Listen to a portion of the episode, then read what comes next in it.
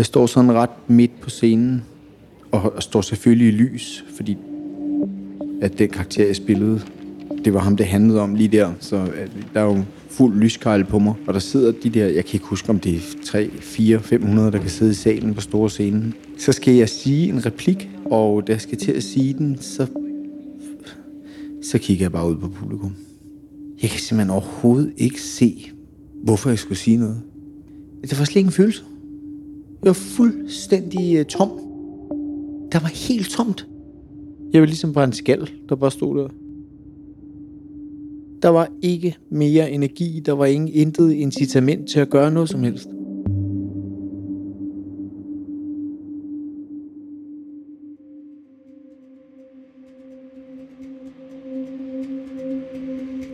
Nogle gange går vi mennesker i stå. Kroppen står af, fordi vi har udsat den for et så stort pres, at den ikke kan mere. Måske fordi det er et forkert pres. Et pres, der ikke er inspirerende. Et pres, der ødelægger i stedet for at stimulere. At man som menneske simpelthen er endt i en blindgyde, hvor man ikke hører til. Den tidligere skuespiller Søren Byder oplevede sig selv som en tom skal, da hans krop slog fra. Og det blev begyndelsen på en nedtur. Min kollega Katrine Lackmann besøger 51-årige Søren Byder. For at finde ud af, hvordan en depression og en skilsmisse kan sende ham i retningen af et liv, der i dag er mere succesfuldt, end da han stod på scenen.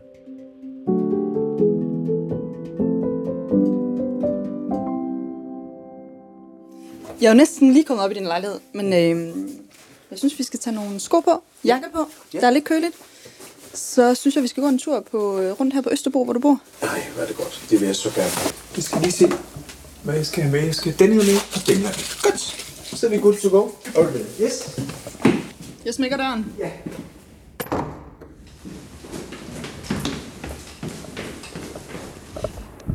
Grunden til, at vi skal ud og gå en tur, det er fordi, at det er noget, du plejer at gøre ret tit. Ja. Men du plejer ikke at gå alene. Du har jo dit øh, eget coachingfirma. Coaching øh, med, med mennesker, som har en udfordring med noget, og hvor vi så går og snakker om det. Øh, Og hvad er det for nogle mennesker, der du coacher? Men det er alle mulige forskellige. Det er ikke så lang tid siden, jeg har gået med en... Det var i sidste uge, der gik jeg med en fodboldspiller fra, fra en uh, Superliga-klub.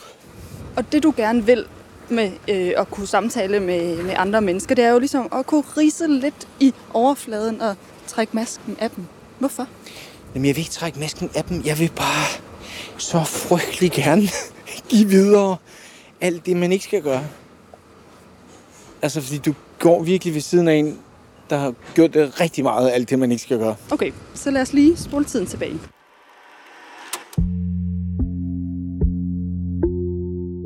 Du bliver uddannet skuespiller i 1999 på Statens Teaterskole. Og året efter så bliver du landskendt som kokken Jimmy i tv-serien Hotellet. Du har også været med i tv-serien Nikolaj og Julie. Dags. Jeg hedder øh, Mikkel Sommer. Jeg skulle tale med en søs Krog Andersen. Ja, det er mig. Hej. Og fra 2004 der er du en fast del af holdet på Aarhus Teater, hvor du blandt andet over flere år spiller sønnen Rune i Gregersen Sagen. Og så her følger man fem søskende i den øh, københavnske overklassefamilie Gregersen. Og i begyndelsen så handler det meget om, hvordan øh, I søskende opdager kærligheden. Det er jo også i teaterets kulisser, at du møder kærligheden. Ja. For du finder sammen med kollegaen Anne-Sophie Espersen. Ja. I flyttede ind i et øh, byhus i Aarhus. Ja. Og I har tre børn sammen. Ja.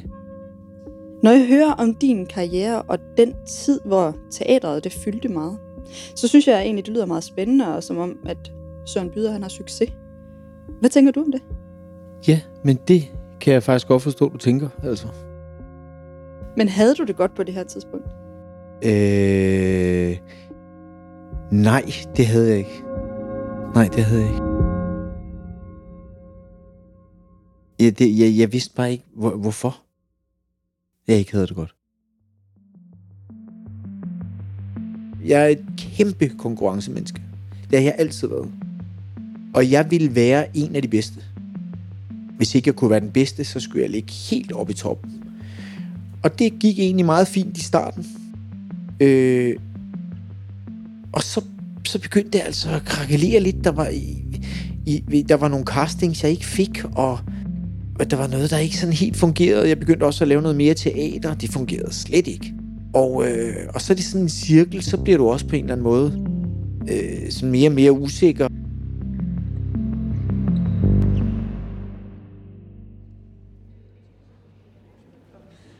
Jeg kan huske, at jeg skulle spille Vandånden hvis som kom ned i en lang kjole og øh, øh, øh, skulle hoppe rundt på scenen og sige sådan nogle lyse lyde. Jeg var spillet også en konge i en anden forestilling, der blev hejst ned fra loftet. Var det luftballoner, jeg havde på? Og øh, i sådan en tegneserieunivers. Og jeg var med en danseforestilling i syv timer uden ord. Altså alle mulige ting, som for andre skuespillere var skide nemme. Men jeg kunne, jeg kunne slet ikke relatere til det. Jeg, når jeg bliver rigtig ked af det, så gør jeg det sammen med min kone, eller, eller hvem det nu er, der står mig helt nær. Det, det, det er ikke lige der, jeg, jeg sådan, det bringer jeg ikke ud til alle og enhver. Og det skal du altså bruge som skuespiller. Hvis du vil være virkelig, virkelig dygtig, hvis du vil nå toppen, så skal du kunne bruge de følelser og tænde dem og slukke dem. Det er lidt nemmere at gøre i filmarbejde, men det er virkelig svært på en teaterscene. Du kan godt vælge bare at spille teater og lade som om du er en anden figur. Men i min verden, hvis det skal sidde og være så godt som muligt, så skal du prøve at blive den figur. Og det vil sige, så skal du også vise de følelser på scenen. Og det er jo så hver eneste aften i otte uger i træk. Det, det er bare overhovedet ikke for mig, det der. Så dybest set levede jeg ikke op til min egen forventning om, hvor dygtig jeg skulle være. Og det skal man passe på med, at være et, et felt i for lang tid, hvor du ikke lever op til din egen forventning, din egen øh, tro på dig selv. Altså, på en eller anden måde, så der, hvor jeg går i stå på scenen, altså, der, der, er jo, der sker i hvert fald virkelig et eller andet, ikke? For der er jo noget, der ikke længere er, som det altid havde været. Du får så hjælp ved en psykiater? Ja.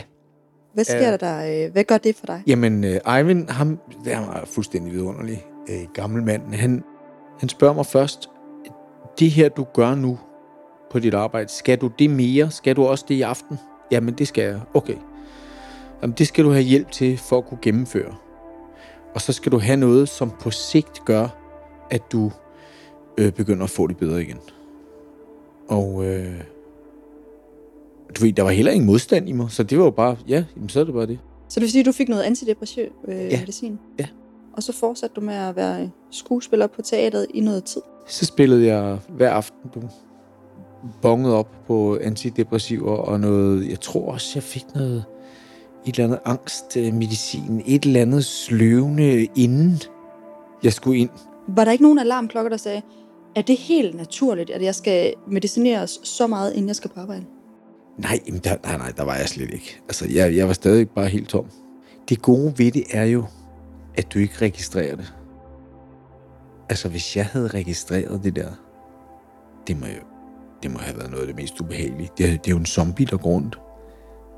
Og for børnene, altså de, var de heldigvis små, men, men det er jo sådan set uagtet, så, så er det jo stadigvæk, det må have været en, det er anderledes, ikke? Men, men jeg kunne jo gøre, hvad jeg fik besked på. Det kunne jeg gøre. Du skal lege med dem. Du skal gå en tur. Nu skal du sådan. Altså, så gjorde jeg det. Men så begyndte jeg langsomt sådan at få det bedre. Efter de der 9, 10, 11 måneder med den medicin, altså der er jeg velbehandlet. Det, det må man jo. Det siger psykiateren jo. Det, og det er også sådan, jeg følte det.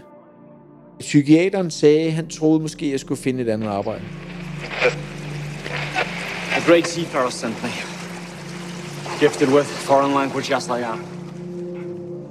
Jeg havde også en karriere ved siden af det, jeg lavede herhjemme. Hvor jeg spillede i England. Jeg lavede nogle film, og jeg lavede øh, øh, en eller to tv-serier. Jeg kan ikke huske det, men der lavede jeg noget over.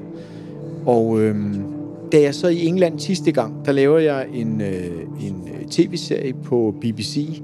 Det gik så godt for mig personligt. Jeg havde, jeg, jeg følte mig så vel tilpas, som jeg ikke har gjort i mange år i mit arbejde.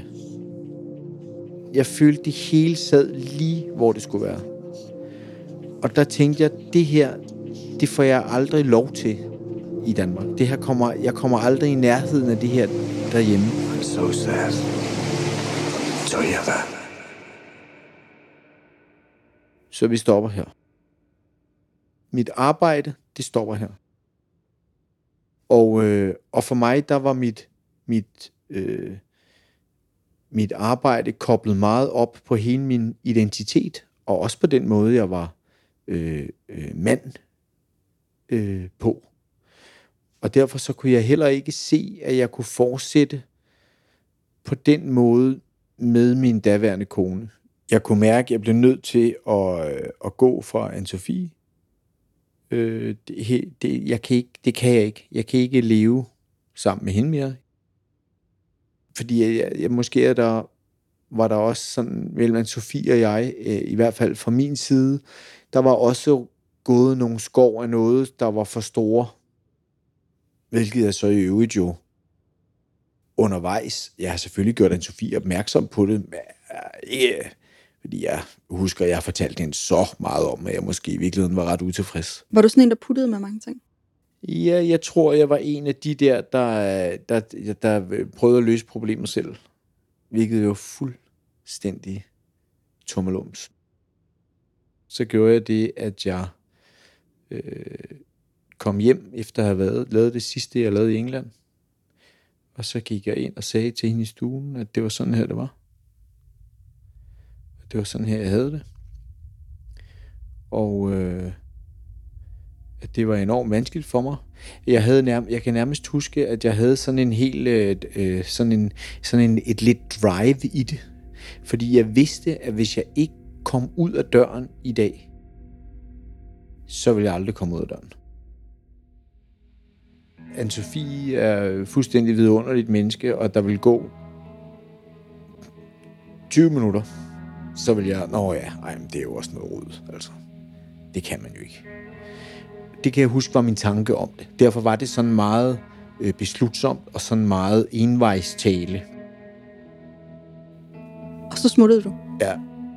Og så rimelig meget smuttede 180 meter, altså hvor du ved, hvor du tænkte at gå hen, eller det havde jeg ligesom ikke. Så jeg, jeg nåede 180 meter ned på, ned på havnen, hvor jeg sådan ligesom, ja, Nogen vil nok mene, det er en smule voldsomt og usympatisk, det du har gjort. Øh, men det var det også. Det, var, det, det må man da aldrig gøre. Altså, man, man må da aldrig øh, øh, komme hjem som en tyv om natten, og så gå for sin kone. Altså, ved, efter en ordveksling på, det ved jeg ikke, 20 minutter. Altså, nej, det må man da aldrig gøre. Det var jo kujonagtigt. Så du tænkte, nu øh, vælger jeg at sige, det skal ikke være os to længere. Ja. Jeg smutter for dig, Ja. vores hus og vores tre børn. Ja, men altså ikke vores tre børn. Dem havde jeg jo sådan set tænkt mig at, øh, at tage med. Øh, men at vi er jo ikke ude i sådan noget. Jeg vil have børnene. Det var bare, det var bare ikke lige i dag. Altså, øh, der skulle jo findes en deleordning. Det blev der også. Altså, vi boede jo i i en kælder og i Figellerup-parken i en lejlighed, hvor vi alle fire boede på et værelse, og ej, jamen gud, altså. De fulgte med hele vejen i den der deleordning, den var, hvad var den? Den var 8 dage til fire og 6 dage til mig. Der går jo ikke lang tid, altså der skal jo nogle penge i kassen. Så, og så starter helt den der rejse. Du kunne simpelthen blive stillagsarbejder på tre uger. Så var du uddannet, og så kunne du gå ud og søge arbejde, og så tjener de så rimelig godt, de der stillagsarbejdere. Så du ved, tre uger, ja, det er det, vi gør. Apropos, vi går under et stillads i øjeblikket. Det er et lejerstillads. Det er et pissegodt stillads. Det er rigtig nemt at bygge. Hver eneste stump er prissat. Så hvis nu for eksempel du sætter den der op, så får du 17 kroner for den. Når du så sætter en ting på den, så får du, og det er den måde, man tjener sin dagsløn. Så jo mere man, Så jo større stillads, jo flere penge. ja, eller jo hurtigere du kan lave dig videre til den næste, ikke? Og så derfor, hvis man er meget hurtig, og det, så, så, giver, så kan det virkelig give noget. Men det er det mest fascinerende. Det er et af de mest fascinerende job, jeg har haft. Hvordan var den der periode? Altså, hvordan var det at være stilladsarbejder? Hvad var det for en ny verden, der lige pludselig åbnede sig for dig? Altså forestil dig en, der kommer, nu skal jeg nok bruge et pænt billede på det, med helt bløde kontorfingre, ikke? Og Ved du hvad, jeg havde stadigvæk hændefarvet pagehår. Så møder jeg ind om morgenen, hvor altså du får jo, du starter lige med at få et elevatorblik, som sådan siger, hvad, tror du ikke, du er gået forkert? Ikke? Og så møder man ind i sådan et par kajfarvede fløjelsbukser, og så sætter du dig ind i sådan en, øh, en stue, sådan en borgerstue, hvor der sidder 40 mænd, hvor du seriøst tænker, altså nogen er store som tanks, nogen er små og senede, men du får en fornemmelse af, okay, der er det ikke skuespillere, der sidder her. Og der var ingen, der sagde noget. Der er ingen, der siger noget. Og jeg kom jo fra en verden, der var fuld af ord. Der var ikke engang nogen, der kiggede op. Der var ingenting. Og så gik jeg bare hen og tog en stol, og så var der en, der sagde, du har sat dig på en stol. Ja. Ja, det håber jeg da er okay. Nej, for det er min stol. Yes. Og så rejste jeg mig og stillede mig over i hjørnet, og så kom vi ligesom i gang. Ikke? Og så øh, lærte jeg jo at elske de der gutter. Det er jo det mest fantastiske folkefærd. Men noget helt andet, og en meget stor øjenåbner for mig. Der findes en topmand, det er ham, der går og bygger op i toppen. Så findes der en bundmand, som går i bunden. Man er kun to om at bygge. Det er to forskellige mennesketyper. Bundmanden er ordentlig. Han ved præcist, hvad han skal sende op. Topmanden, han er fuldstændig omvendt. Han har enormt meget fart på. Springer rundt, har selvfølgelig ikke noget imod højder. Og det der med, at man kan falde ned. Jeg kan næsten regne ud, at du var topmanden. Ja, jeg var den der type stilæsarbejder, der hoppede fra det ene til det andet, uden at have sele på, og jeg, jeg har altid godt kunne lide, når der lige var lidt, lidt spænding på. Og, og så sidst, så gik den altså ikke, og så røg jeg faldet ned. Og så slog jeg, jeg flækkede, okay, der var et eller andet, der røg i hoften, og øh, ja, og så gik det jo ikke mere. Og hvilket egentlig var meget godt, fordi det var, det var måske ikke det, jeg skulle, den tiden var egentlig også gået, så det var fint nok. Altså nu, jeg skulle finde ud af, hvad jeg skulle.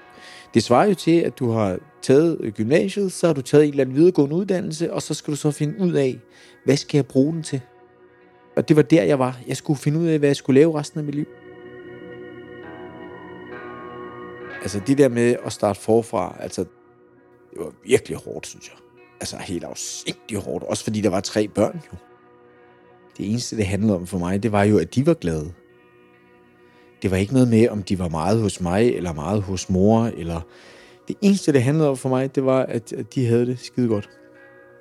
Virkeligheden var jo, at jeg savnede dem som fuldstændig... Altså, jeg er sådan en, jeg savner mine børn hele tiden, og det gjorde jeg også der. Du valgte at skifte karriere. Du valgte at bo et helt andet sted, som var meget anderledes end der, hvor du havde boet tidligere. Hjælper det så nogle gange at skifte fuldstændig spor? Var, var det det rigtige for dig? Ja, jamen det var det da. Altså, det var det. Det var det. Jeg har været i et arbejde, jeg ikke synes, øh, jeg blev anerkendt nok i, jeg ikke synes gik godt nok for mig i for lang tid. Og det er jo så et arbejde, hvor alle kan kigge på imens, fordi det jo er et scene teaterarbejde, så alle står jo og ser på de produkt hver aften. Og det endte med at blive syg af. Hvis du, du har nogle udfordringer med, med at lykkes i det arbejde, du har, så skal du være varsom med at blive ved med at gøre det. Måske skal du erkende endefulden, og så få stoppet med det og starte et nyt sted, fordi jeg kan fortælle, wow, hvor er der rart på den anden side. Altså seriøst. Jeg startede forfra som 38-40-årig. Den er hård, men det kan man sagtens.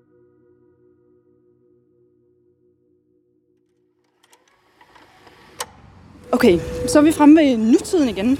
I, øh, I dag der er du gift med Johanne, og I har fire børn sammen, og så er du far til syv. Ja. Og du har jo dit øh, eget coachingfirma, efter du også er blevet uddannet pædagog. Ja. Beskriv, hvad, hvad har du egentlig lært af den tid, siden du stod på teaterets scene og, og siden depressionen? Jeg har lært mig selv rigtig godt at kende. Hvad har jeg lært mere? Så har jeg lært, hvad det er, der betyder allermest for mig. Og Øh, og at når det nu er det, der betyder allermest, så bliver det også nødt til at være det, der er udgangspunktet for, hvordan jeg lever mit liv, for så har jeg det bedst. Og det er, det er de der børn, og det er jo også derfor, jeg har fået syv. alt er godt. Altså, jeg er så taknemmelig. Jeg vil gerne lige have lidt flere penge, men altså, det vil man, det vil man jo altid. Skuespillere kan altså noget med ord. Søren Byder er så fantastisk til at sætte ord på det at føle sig som en zombie. En menneskeskal, der er det forkerte sted, og som har enten kaos eller tomhed indeni. Og hvad er der så tilbage? Og hvordan løfter man sig tilbage til livet i den situation? En psykiater siger, at han skal finde sig et andet arbejde. Jamen, hvor let er det lige, når skuespiller image måske er det sidste, han har tilbage af sin identitet? Men han flygter fra sit tidligere liv, fordi han ikke kan andet. Og alligevel lykkes det ham lige så langsomt at bygge et nyt liv op igen. Sikke en rejse. Det næste program, det handler om Malene Falk. Hun har arbejdet mange år i psykiatrien og fik svære og svære ved at slippe arbejdet, når hun havde fri. Nu hun indrettet sig på en måde, så hun selv bestemmer over sin egen hverdag. Og det betyder, at størstedelen af hendes liv bliver brugt i et keramikværksted. Den fortælling kan du også blive inspireret af.